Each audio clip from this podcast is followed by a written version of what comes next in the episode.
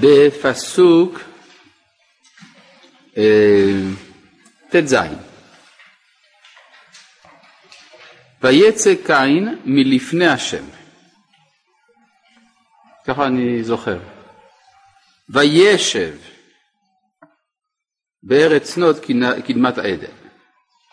הפסוק הזה מעורר שאלה, הרי מה הייתה הקללה של אה, קין? נע ונד, וכאן כתוב וישב. מה זה אומר? שהוא תיקן. כלומר, הוא הגיע לשלב בתשובה שלו שהוא יכול היה לתקן את הצורך בשלו בנוודות. השאלה היא איך הוא עשה את זה. מה הביא אותו לאפשרות לתקן את הצורך שלו בנוודות. למה בכלל הוא היה צריך נוודות? הוא היה צריך נוודות בגלל שהוא היה רוצח, נכון? הרוצח חש מאוד את התחרותיות של העולם הזה, ולכן הוא מוכן גם להרוג את חברו כדי לתפוס את מקומו. חברו מהווה איום עליו, ולכן הוא הורג את חברו. מה שאין כן אצל הנוודים, רועי הצאן, הם אנשים שאצלם האחיזה בעולם הזה רפויה. אין להם כל כך הרבה שורשים, ולכן הם גם לא כל כך מתחרים על העולם הזה. ולכן העונש של קין היה העונש המתקן, שהוא יהיה נע ונד. אבל איך הוא הצליח להגיע למצב שהוא יכול היה לשבת? יש לזה רמז בפסוק הבא. וידע קין את אשתו, ותהר, ותלד את חנוך, ויהי בונה עיר. מה זה, זאת הפעם הראשונה שאנחנו שומעים על עיר, ויהי בונה עיר. והבונה נקרא בשם, או בכל שקין, מכנה את בנו בשם חנוך. מה זה לחנוך? מה זה לחנוך? מה זה לחנוך? התנועה הזאת לא עוזרת. מה? לחנוך זה לתת שם למשהו? זה לכנות. לחנוך זה משהו אחר. מה זה לחנוך? להתחיל, יפה מאוד. אז כמו שאמר רבי נחמן ברסלב, מה שהיה היה, העיקר להתחיל מההתחלה. אז אם כך, מה עושה קין? הוא חונך. הוא חונך מההתחלה, הוא עושה אנושות חדשה. וכדי להתחיל את זה, הוא בונה עיר. עיר זה דבר מאוד מעניין, לא מצאנו בעלי חיים שעושים ערים, אבל האדם בונה עיר. העיר זה ארגון המרחב לפי מידתו של האדם ולא לפי מידתו של הטבע. הטבע, יש בו תחרות, הטבע אלים. לעומת זה, קין מארגן מחדש את המרחב הטבעי, הוא בעצם מסלק את השליטה של הטבע. כך שהעיר, מבחינה מסוימת, מהווה התקדמות. העיר היא האפשרות לחיות בעולם שהוא כל כולו אנושי. בעולם אנושי יש סיכוי לתיקון הנזקים של הטבע. אולי. מובן? כך שאפשר לומר שהעיר זה כמין אה, מעמד פסגתי של התרבות האנושית. יש יושבי מערות, יש יושבי בקתות, כפרים, ובסוף עיר. עיר זה הצורה שבה האדם חי במלוא האנושיות שלו. השאלה אם זה עובד. ויקרא שם העיר כשם בנו חנוך. וכאן עולה שאלה גדולה. מה קרה כאן? יש שם לבן, ואת השם הוא נותן לעיר. אפשר לפרש את זה בשני כיוונים אפשריים. אפשר להגיד שהוא רוצה לתת ממד אנושי לעיר, נותן לה שם. כן? פעם ראשונה שנותנים לחפץ דומם שם. אף אחד לא קורא, חוץ מבקיבוצים, כן? לפרה שלו בשם. כן? זאת אומרת, אה, יש לי פרה וזהו. כן? לתת שם לפרה או לתת שם פרטי, כן? לא שם של דבר, אלא שם אישי, לחפץ, במיוחד אם חפץ מורחב כמו העיר, זה מעורר שאלה. אז אפשרות האחת היא לומר לשבח, שהוא רוצה להעניש, בלשון אנושיות, את המקום. אבל ייתכן שיש פה משהו אחר. ברגע שנותנים שם למקום, זה אומר שהמקום הוא העיקר והתושבים בו טפל. זה כמו שלמשל, אם שואלים אדם, אה, שלום, מי אתה? אפשר לקבל שתי תשובות אפשריות. התשובה האחת היא, אני אלברט. זה דוגמה, כן? היה אפשר באותה מידה גם להגיד יוסי, או אפילו יולנדה. כלומר, הכל אפשרי, על כל פנים יש שם פרטי. אני יוסי. יש אפשרות אחרת לומר, אני שוטר, אני דבר, אני אה, תלמיד חדש במכון, כל מיני הגדרות כאלה, שבהם האדם מגדיר את עצמו ביחס לפונקציה שהוא ממלא. אני ממלא פונקציה פלונית בתוך המערכת. זה אומר שמי שאני זה כבר לא חשוב. כי הרי אפשר להחליף אותי במישהו אחר שימלא את הפונקציה. אם זה מה שמגדיר אותי. אפשר להגדיר את התפקיד. אבל ברגע שאני מגדיר את עצמי ביחס למקום, אז אני נפלתי מבחינת הזהות האנושית שלי להיות חפץ, להיות אובייקט במקום סובייקט. כן? זה בעצם מה שעלול לקרות כאן. הוא, הוא נותן את השם של האדם לעיר. אז העיר עיקר ולא האדם. זו האפשרות לפרש את זה לגנאי. והשאלה היא, מה משתי האפשרויות כאן הוא הנכון. כן, יש ביטוי בספר תהילים, לכו חזו מפעלות אלוהים, אשר שם שמות בארץ. אומר המדרש, אל תקרא שמות, אלא שמות. מה זה אשר שם שמות בארץ? שאלכסנדרוס אה, נתן את שמו לאלכסנדריה, וטיבריוס לטיבריה. זאת אומרת, הגמרא, המדרש בעצם רואה את זה בתור דבר שלילי. אתה יודע שרשרוש לשקיות זה עושה רעש אדיר? אותו דבר אגב לגבי רשרוש הסוכריות שמחלקים בבית הכנסת. אם זה סוכריות טופי שהעטיפה היא שעוונית, זה לא עושה רעש. אם מדובר בסוכריות כאלה שאתם יודעים, המרשרש הזה, אפילו ילד אחד יכול להפריע לכל התפילה או לכל הדרשה. כן, טוב, זה רק היה הערה אה, מתודית אבל היא חשובה. אה, אם כך, יש, בסדר, לא קרה כלום, לא, לא. טוב, אה, אז איך אנחנו נדע באיזה כיוון הייתה, היה מתן השם של העיר אצל קין? פשוט מאוד, על פי הפסוק הבא. ויוולד לחנוך את עיר ירד. כלומר, העיר הורידה את האדם, עירד. האדם נמשך כלפי מטה על ידי העיר. העיר עיקר, האדם טפל. במילים אחרות, התרבות האנושית, כשהיא מתארגנת, מנתקת את עצמה משורשה הערכי. מה אכפת לנו בשביל מה הקימו את העיר הזאת? העיקר שיש עכשיו עיר. כן? זאת נפילה, עיר רד. והתולדה של עיר רד, והעירד ילד את מחוי יעל, מוחים שם שמיים, מחוי. אין יותר אלוהים בחברה הזאת, זאת חברה שקנתה לעצמה כמין אוטונומיה, ואז היא מנסה את כוחה להתנתק משורש החיים שלה. זה דבר שמאוד מצוי בחברה המודרנית של ה-200 שנה האחרונות, כאשר המדינה אה, ניתקה את עצמה מן האסמכתה האלוהית שלה. פעם היו אומרים על המלכים שמלכי המדינות שלהם בחסד האל. ואז יוצא שכל המדינה כולה ראתה את עצמה בתור איזה מין הופעה, איזה מין הגשמה של רעיון אלוהי. אבל קרה מה שקרה, והחברה האנושית חשה שהיא יכולה להמציא את מושג הריבונות, הסוברנות.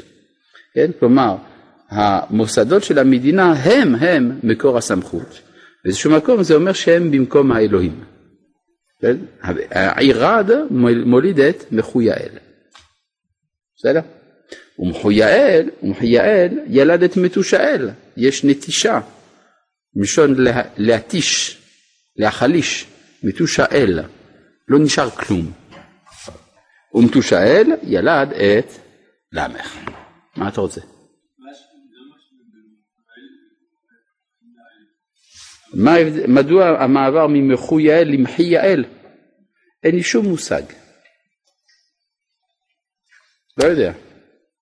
יש לך הסבר? טוב, וגם לי לא. אתה רואה, אנחנו שווים. פיטים. טוב, ומתושאל ילד את למך.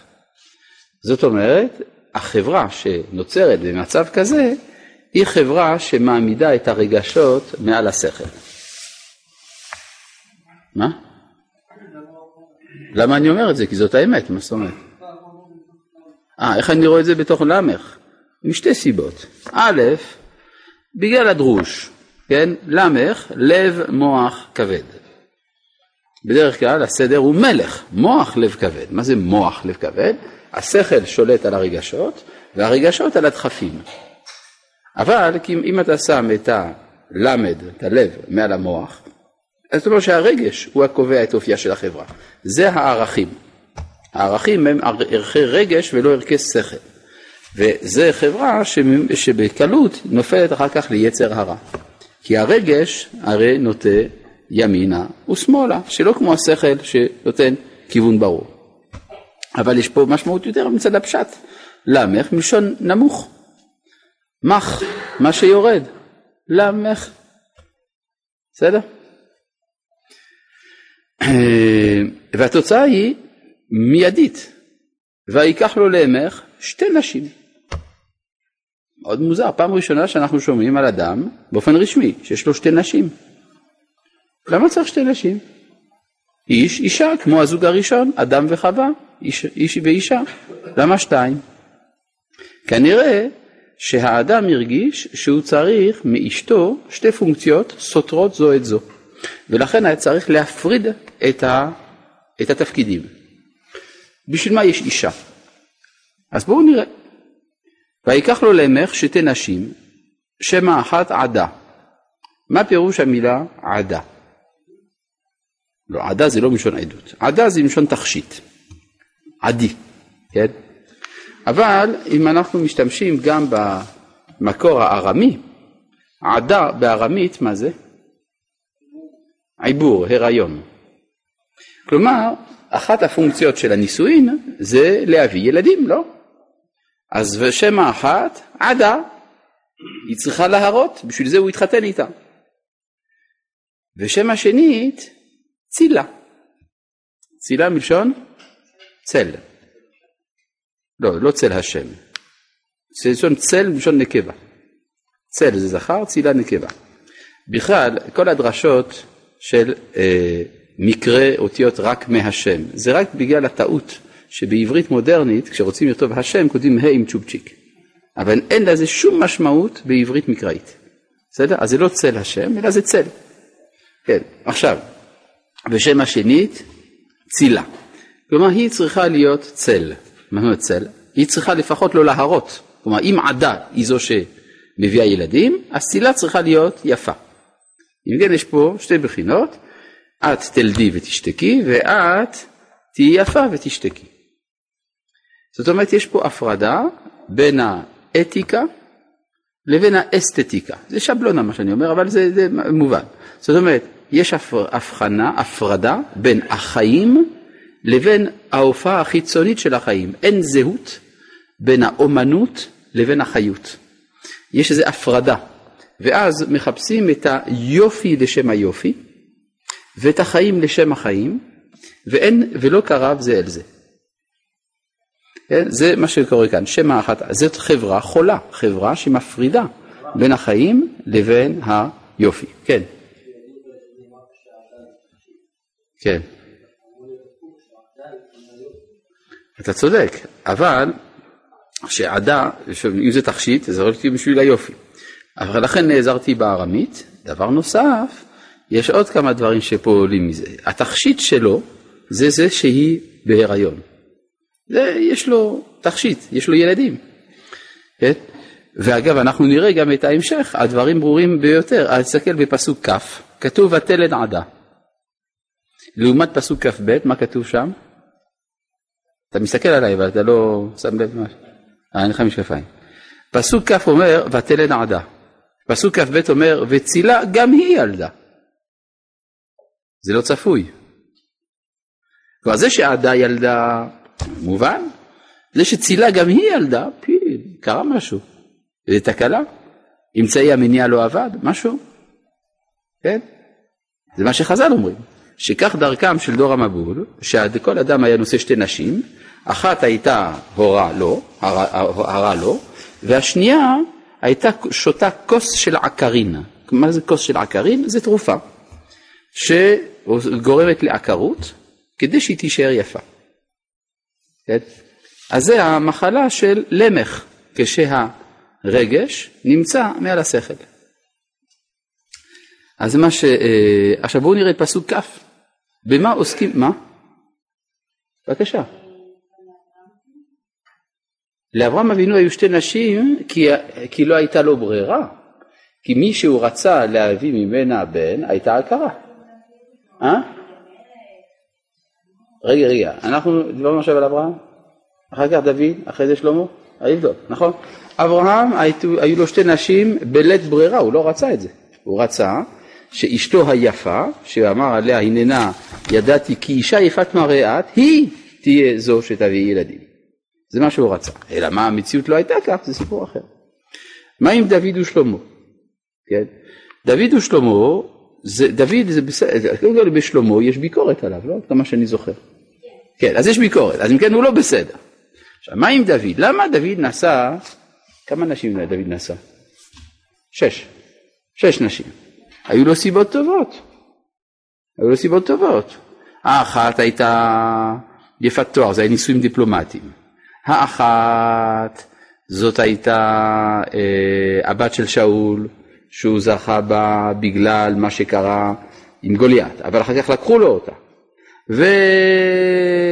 ואביגיל אשת נבל הכרמלי, בגלל שהיא אמרה, תשמע, אני לא יכולה להסתדר עם הנבל הזה, אני רוצה להצטרף אל משהו אידיאלי, טוב בסדר, אז נתחתן, יש כל פעם סיבה.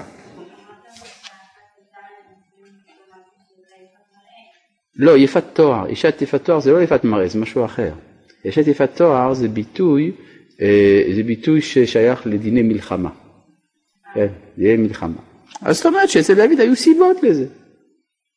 כן. עכשיו, אה, אבל בואו נמשיך. אם כן, רגע, זה, אולי למלך זה כן ראוי, כן? אצל המלך יש בחינה שהוא אישיות כללית. אבל סתם אדם, מה פתאום? אז זה מה שהם רצו כאן, הם רצו לשמור על היופי באשר הוא יופי. ותלד עדה, עכשיו בואו נראה פסוק כ', ותלד עדה את יבל. שם יפה, לא? מאיפה זה בא השם הזה, יבל? מזכיר לנו מישהו שאנחנו כבר מכירים אולי? הבל, נכון? יבל, הבל, דומה. מעניין, במשפחה של קין מישהו ייקרא בשם של הבל? טוב, בואו נבדוק מי זה האיש הזה. הוא היה אבי יושב אוהל ומקנה. מה? מה זה המקצוע הזה? זה מקצוע שמזכיר לנו משהו, לא? רועה צאן של הבל. אם כן, יש ניסיון במשפחה של קין לאמץ את היסודות הקייני, את היסודות ההבליים. כן? רוצים להשלים מה שחסר. אבל בואו נראה, האם זה בדיוק מה שהבל עשה? עד כמה שאני זוכר, הבל היה רועה צאן. מה יבל? הוא יושב אוהל ומקנה. זה בדיוק הפוך, הרועה זה לא אחד שיושב, זה אחד שנד, נע ונד. ואילו יבל יושב. דבר נוסף, הבל היה רועה מה? צאן. ואילו ליבל מה יש במקום צאן? מקנה. מה זה מקנה? זה הצאן. הצאן הוא מקנה, אז מה ההבדל בין צאן למקנה? מקנה זה מלשון קניין. הוא הופך את המקצוע ההבלי למקצוע קיני. הוא הופך את הצאן לרכוש. אצל הבל, בתור רועה צאן, הצאן הוא לא רכוש. הוא מי שזקוק להנהגה, הוא רועה אותו. רועה מלשון רע, ידיד. כן? יש ידידות, יש איזו השפעת יחסי גומלין בין, הר, בין הרועה לבין הצאן. כלומר יש אופי הייתי אומר חינוכי לעבודה של קין, של, של, של הבל. אצל יבל לוקחים את המקצוע ההבלי, אבל נותנים לו צבע קיני חזק מאוד. זה הרכוש, זה כלכלה. ושם אחיו, יובל. וואי, שם יפה. מזכיר לנו משהו? את מי? את, את יבל. טוב, בסדר, גם את הבל. מעניין, אז גם הוא מנסה לאמץ משהו מההבליות, בוא נראה. הוא היה אבי כל תופס כינור ועוגב. מי לראשונה השתמש בכלי נגינה? הרועה צאן, נכון? כלומר הבל, איך אפשר להנהיג צאן בלי חליל? אז אם כן, המוזיקה, כלי הנגינה הראשון, שלדבר על הפעמונים של הצאן, זה בא מהבל. מה עשה יובל? הוא הפך את זה למוזיקה, לסוג של אומנות, למדע, מדע האומנות. הוא נתן לזה צורה שיטתית, סיסטמטית. וצילה, גם היא ילדה. מה? אני עוד לא יודע, אבל לכאורה כשהבל מנגן בחליל יש לזה צורך, צורך ערכי, אבל הוא לא ינגן סתם, הוא מנגן כי צריך להוביל את הצאן. אבל האם יש דבר כזה אומנות לשם האומנות? כן? דבר שקיים בימינו, המושג של אומנות לשם האומנות, זה לא עבודה זרה? כן? אה, וצילה גם היא ילדה. מעניין, היא לא הייתה צפויה, היא הרי לא התכוונה ללדת, כן? אלא כנראה שזה לא עבד, היא לקחה כוס של הקריר ובכל זאת היא ילדה. כיוון שהיא יולדת זה בוודאי לא רצוי, זה הריון לא רצוי. יש פה תסכול שמתלווה לזה. אבל מעניין איך היא קוראת לו. וצילה גם היא ילדה את תובל קין. זה מעניין. מזכיר לכם משהו המילה תובל? יובל, יפה. או את הבל, כן? אבל מעניין, קוראים לו גם תובל וגם קין. או-אה, זה כבר, אפשר לומר, זה חיבור אה, אה, פצצה, כן? זה חומר נפץ. מה הוא עושה? לוטש כל חורש נחושת וברזל. הוא ממציא את הטכנולוגיה של כלי הנשק. או-אה, אז הוא רוצח. כלומר זה מברר רטרואקטיבית משהו ששאלנו את עצמנו, האם קין היה רוצח או שופט? זוכרים שאלנו את השאלה הזאת? היית בשיעור ההוא? השאלה הזאת עלתה ואמרתי שהיא תתברר באחד הפסוקים הבאים, הנה הפסוק. אם אחרי שבע דורות של כנות מגיעים ליצירת כלי הנשק, אז זה אומר שקין היה רוצח. זה מברר. אבל מה הוא עושה שם? לוטש כל חורש נחושת וברזל. מי הראשון שהשתמש בכלי מתכת?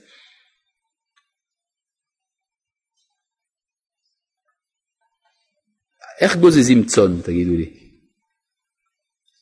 מספריים. אז הראשון שהמציא בעצם כלי ברזל היה הבל. אלא מה?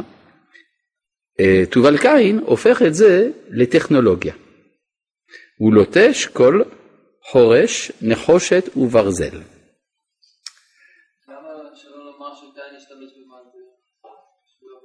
אפשר להגיד שקין השתמש במעדר כדי לעבוד את האדמה, זה נכון, אבל, אבל, האמת היא שעובדי האדמה הראשונים לא השתמשו במעדרים, השתמשו מקסימום בענף מכופף. עד עצם היום הזה יש שבטים באפריקה שאינם יודעים מעדר מהו, אלא הם משתמש, ואפילו גם לא מחרשה. הם משתמש, משתמשים בענף ארוך, מקופל, עם שפיץ. כן? ובזה הם עושים כעין תלם. אז מה שאין כן אצל הרועים, אי אפשר לגזוז בלי מספריים.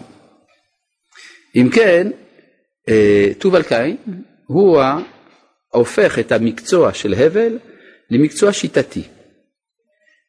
מעניין, אצל הרומים, אצל הרומאים, היה להם שם לאל של הנפחים, היה להם אל נפח, איך קראו לו? וולקן או וולקאין. וולקאין, כן? טובלקאין, מעניין. וזה מראה לכם שהשמות של המיתולוגיה, השמות של האלים במיתולוגיה הרבה פעמים הם שמות של גיבורים קדמונים, שעם הזמן הפכו אותם לאלים. כן? ואחות טובלקאין. אגב, לא היה הריון נוסף, היא כנראה התאומה שלו. כן? והאחות טובלקאין, נעמה. מה זאת אומרת נעמה? במה היא עוסקת? בנועם. היא עוסקת במה שנעים בחיים. אז כן, יש לנו פה אה, חברה שעוסקת בארבעה דברים. בכלכלה, באומנות, בטכנולוגיה ובידור. זה מה שיש כאן. שאלה, האם ארבעת הדברים האלה שמניתי, דהיינו הכלכלה, האומנות, הטכנולוגיה והבידור, זה דברים רעים או טובים? זה לא רע, נכון? זה חלק מהתרבות האנושית. אז מה לא בסדר כאן? מה שלא בסדר זה מה שאין כאן. לא מה שיש, זה טוב שיש כלכלה, שיש אומנות, שיש בידור, שיש טכנולוגיה, כל הדברים האלה הם חשובים, אבל הם לא מספיקים, כי צריך עוד משהו. העוד משהו הזה, אנחנו נראה איפה הוא נמצא עוד מעט. אבל כאן ברור שהם אה, בסך הכל פיתחו את האנושיות בתור אנושיות, קוראים לזה הציוויליזציה. וכאן פסוק כ"ג קורא, קוראת איזה טרגדיה. ויאמר למך לנשיו. מזכיר לכם משהו? לא, משהו שכבר ראינו. ויאמר קין אל הבל, אחיו. זוכרים למה הוא הלך לדבר איתו? כי הוא ניסה להיות האח שלו. ויאמר קין אל הבל, אחיו. הוא ניסה להיות האח שלו. אבל ברגע שהוא מנסה ולא מצליח, אז זה הופך להיות רצח. כן? כלומר, ניסית לדבר ולא הלך, אז אתה הורג. פה, סוף סוף, זאת הפעם הראשונה בהיסטוריה שמישהו מדבר ולא הורג. ויאמר למך לנשיו, הוא מדבר. יש התקדמות. אבל מעניין, מה הוא אומר? עדה וצילה שמען קולי, נשלמך האזנה אמרתי. כלומר, הוא אומר, אה, תקשיבו, אה, יש לי משהו להגיד, משהו, יש לי משהו לומר, אז תגיד כבר. במקום להגיד, אתה אומר שיש לך משהו להגיד. יש כאן איזושהי מבוכה. אם אתה אומר, תשמעו לי, סימן שהשני לא רוצה לשמוע. כלומר, יש דיאלוג חד-כיווני. הוא מדבר, הן לא רוצות לדבר, הן אפילו לא רוצות לשמוע. מעניין, צריכה להיות איזושהי סיבה. למה הן לא רוצות לשמוע? תראו את ההמשך. קיש הרגתי לפצעי וילד לחבורתי. יש פה איום סמוי, לא כל כך סמוי, אבל איום בתוך הדיבור הזה. כדאי לכן לשמוע. אני הרגתי מישהו. כן? אני יודע להרוג, אז תשמעו לי. זה לא דיבור. זה בעצם אלימות שלבשה צורה של דיבור, אבל זה לא דיבור. לכן הן לא רוצות לשמוע. מי הוא הרג? אז חז"ל אמרו שהוא הרג את הסבא שלו, את קין, ואת הבן שלו, את תובל קין.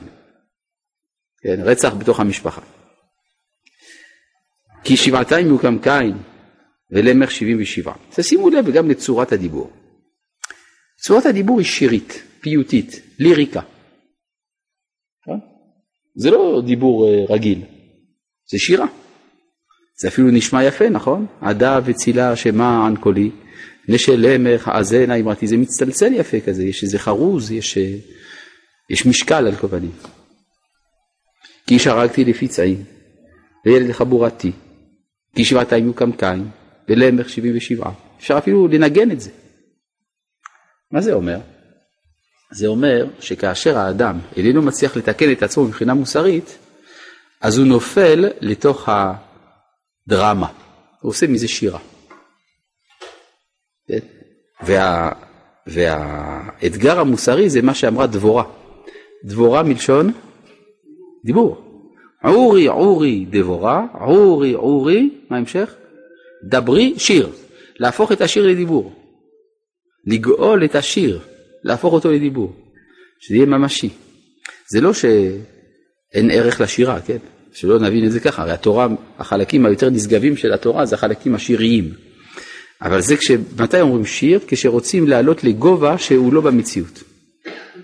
אז זה יכול להיות חיובי, זה יכול להיות שלילי, אצל למך זה שלילי. טוב, אז פה אנחנו רואים שבכל החברה הזאת יש חיסרון גדול מאוד. והחיסרון הזה צריך השלמה. איך, יבוא, איך תבוא ההשלמה? בשביל זה יש פסוק הבא. וידע אדם עוד את אשתו ותלת בן. כלומר חסר, בעצם אנחנו, גם בלי הפסוק הזה אנחנו מבינים מה חסר. במשפחה של קין מה שחסר זה הבל. כלומר, עם כל הניסיון להצליח את החיים של קין, ההבליות חסרה, מה שהבל מייצג. אז, אבל, אבל יש בעיה, הבל מת. אז מה נעשה? צריך להוליד אותו עוד פעם.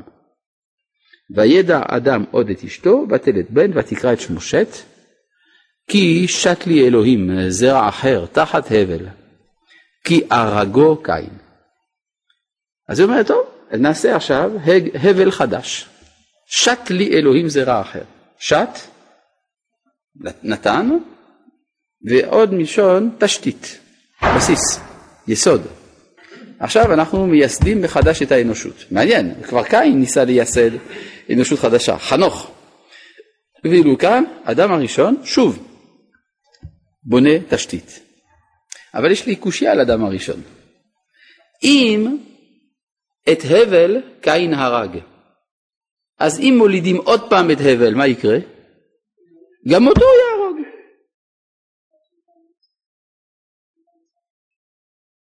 אתה אומר שקין מת, אז, אז מה יחסר קין בעולם? זה לא טוב. אלא, ואם יקום קין חדש, אז הוא יהרוג עוד פעם את ההבל הזה. אלא, פה אנחנו רואים שהאדם מוליד, כלומר האישה היולדת, אה, יולדת הבל משופר. היא אומרת, את ההבל הזה שאני עכשיו יולדת, קין לא יצליח להרוג. זה הבל מודל 2000, גרסה חדשה. את זה אי אפשר להרוג, כן.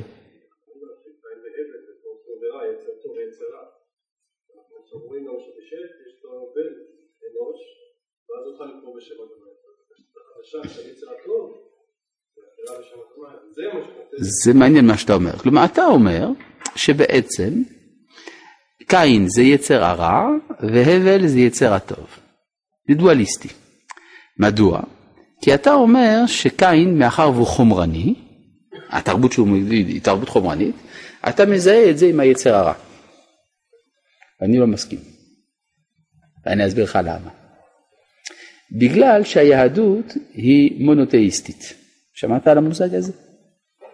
כן או לא? כן. היא מונותאיסטית. אם היא מונותאיסטית, היא מאמינה שהשם אחד. אם השם אחד, לא ייתכן שהוא יתגלה ברוח בלבד ולא בחומר. דווקא האלוהי נמצא במקום שבו נמצא הכל. אם יש רק חומריות או רק רוחניות, זה טומאה. זהו. אז ולכן, בשתיים, אבל העולם נברא בבית כדי שיהיה גם חומר וגם רוח. זה בדיוק. אז עכשיו, זאת אומרת שאי אפשר לראות את קין כיצר הרע. אלא אם כן נגיד, ניתן משמעות חיובית ליצר הרע, שזה גם אפשר. אבל uh, הדואליז, הדואליזם הזה שטוב ורע זה שחור לבן, זה לא עובד ככה. אה, יפה. אם יש משמעות חיובית ליצר הרע אז אני איתך. אז בואו נראה מה זה אומר עכשיו. אנחנו מנסים להבין מה קורה עם הבל. הבל, קין, לא, ההבל החדש הזה, שת, קין לא יכול להרוג. אז למה הוא לא יוכל להרוג אותו? כי זה אחד כזה, שת, שאף על פי שהערכים שלו הם הערכים של הבל, אבל כשקין מנסה להרוג אותו, הוא לא נותן לו לעשות את זה. אתם זוכרים מה היה החטא של הבל? מה היה החטא של הבל? שהוא נתן לקין להרוג אותו. זה החטא של הבל. עכשיו, זה מזכיר לנו משהו דווקא שאנחנו מוצאים אותו בהמשך התורה, לא יודע אם שמעתם על, קראתם את המשך החומש? יש שם, מדברים על שני אחים, יעקב ועשיו. אחד רועה צאן, השני יוצא לשדה, מזכיר לנו משהו. ובאיזשהו שלב עשיו רוצה להרוג את, את יעקב. כלומר, קין רוצה שוב להרוג את הבל. אבל זה לא ילך לו. מדוע? כי יעקב הופך להיות ישראל. כלומר, האידיאל של עם ישראל איננו יעקב, האידיאל הוא ישראל. ישראל מי שמסוגל לקחת בידו את החרב של עשיו ולהשתמש בה. כי יש בשיח, למשל השיח השמאלני של ימינו, יש איזה מין אמירה כזאת, אם אתה משתמש בכלים של עשיו, אתה הופך לעשיו. אם אתה מנצח, אז אתה רומאי. ולכ... וזה, הנצרות ניסתה באמת אה, לשדר את הרעיון הזה, שעצם השימוש בכוח זה כשלעצמו רע, גם כשזה משרת מטרה חיובית. כן? וזה בוודאי ההפך מהעולם הערכי של התורה, שמדברת על אחדות הערכים. זאת אומרת, הש... השט הוא סוג של הבל שלא מפחד שיגידו עליו שהוא קין. ברור? טוב, בואו נמשיך. כן, מה?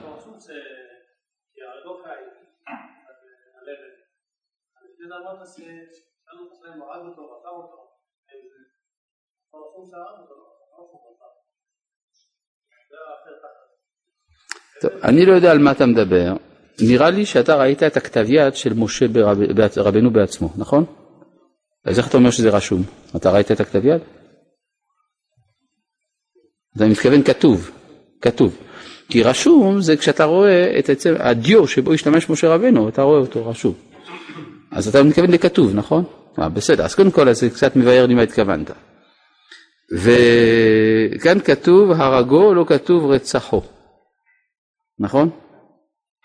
אתה, ואתה מדבר על פי העברית המודרנית, שבעברית המודרנית רציחה פירושו הריגה שהיא מגונה, והריגה זה לאו דווקא מגונה, נכון? ככה אתה אומר? כן? אבל זה בעברית מודרנית, לא בעברית תנ"כית. בעברית תנ"כית כתוב גואל אדם הוא ירצח את הרוצח. לפי גרובו הוא, ימצא, הוא, הוא, הוא יהרגנו. זה, אין בעברית התנ"כית ההבחנה הזאת שמקובלת בעברית מודרנית. טוב. אה, ולשת גם הוא יולד בן. ויקרא את שמו אנוש. מה זה אנוש? מה? אדם, נכון? אנוש זה אדם. אז מה עושה שת? לא, אנחנו לא משתמשים במושג אנושי מתוך אנוש. איך אתה אומר, מה הרבים של איש? אנשים. מאיפה זה בא המילה אנשים? מה היחיד של אנשים? מה היחיד של אנשים? מה פתאום? אנש. דבר, דברים. אז היחיד של דברים זה דבר. למה? אתה מוריד את היוד ואת המם, נכון? נשאר לך הדבר. אתה מוריד מאנשים את היוד ואת המם, אתה לא מקבל איש.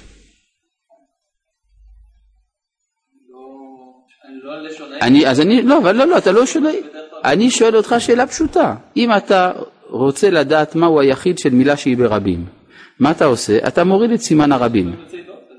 אני לא מאמין בסיפור הזה של יוצאי דופן. יוצאי דופן זה המצאה קלה בשביל, בשביל לעבור את הבגרות בלשון. אבל אם אנחנו לוקחים את הדברים ברצינות, היחיד של אנשים זה אנוש, מובן? בסדר?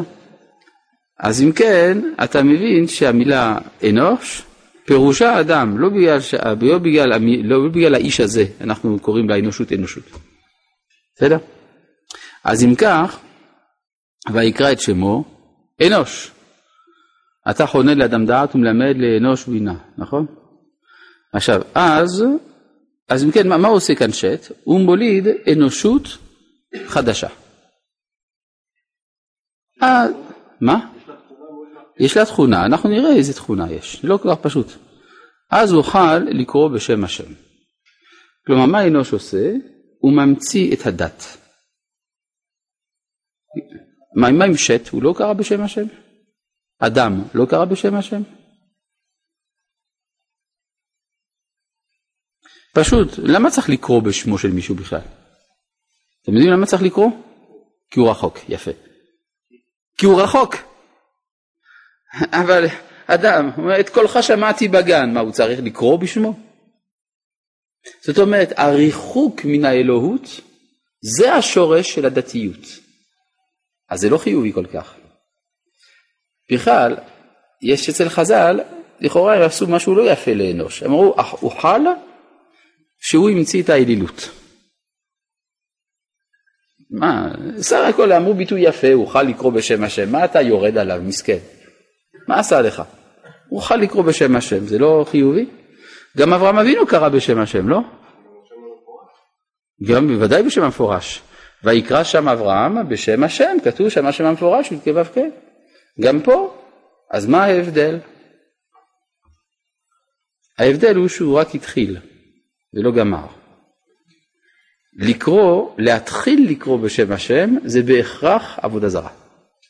בגלל שברגע שאתה לא מקיף את כללות הערכים, אתה מפריד חלק מן הגילוי משאר הגילויים.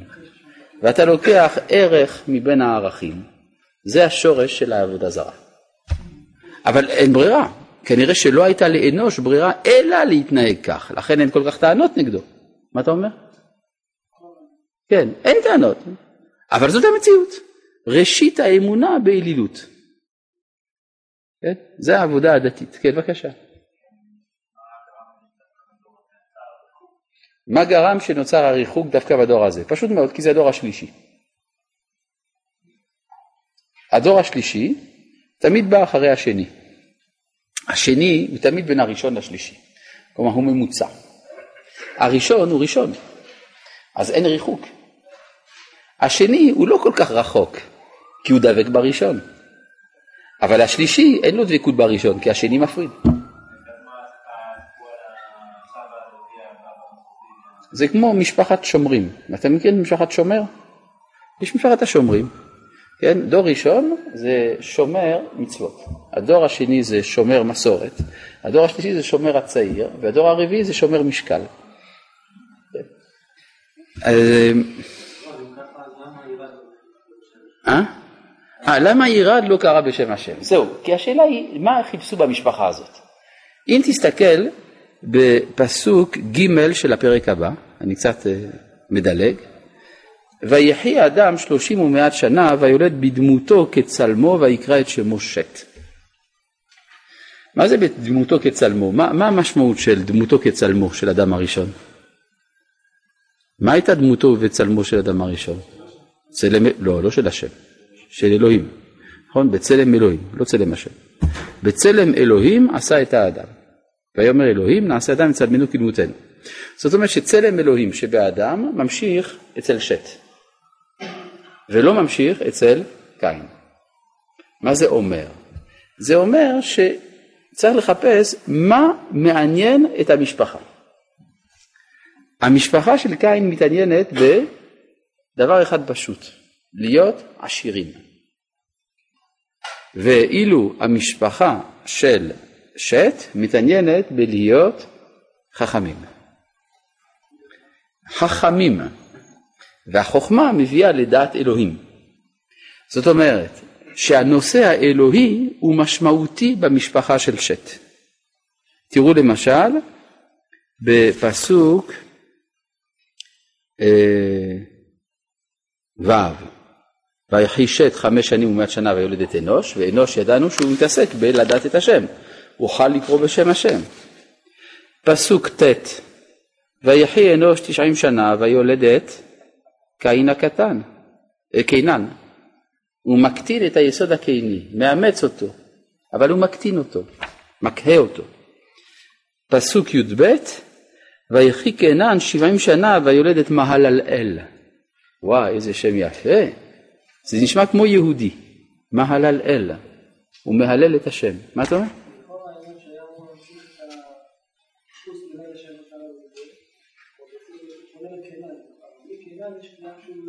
זה אותו הדבר. הקטנה של, של הכינות זה לפנות אל השם. כן? מה? זאת אומרת כי הוא עולה בכיוון ההפוך, זה כמו שהקיינים לקחו את ההבליות והקטינו אותה, או שינו אותה. כן. אגב, מה חסר לקין? בינה. כן? נון, שערי בינה. קין, תוסיף לזה נון, יוצא קינן. כן? מה אתה אומר?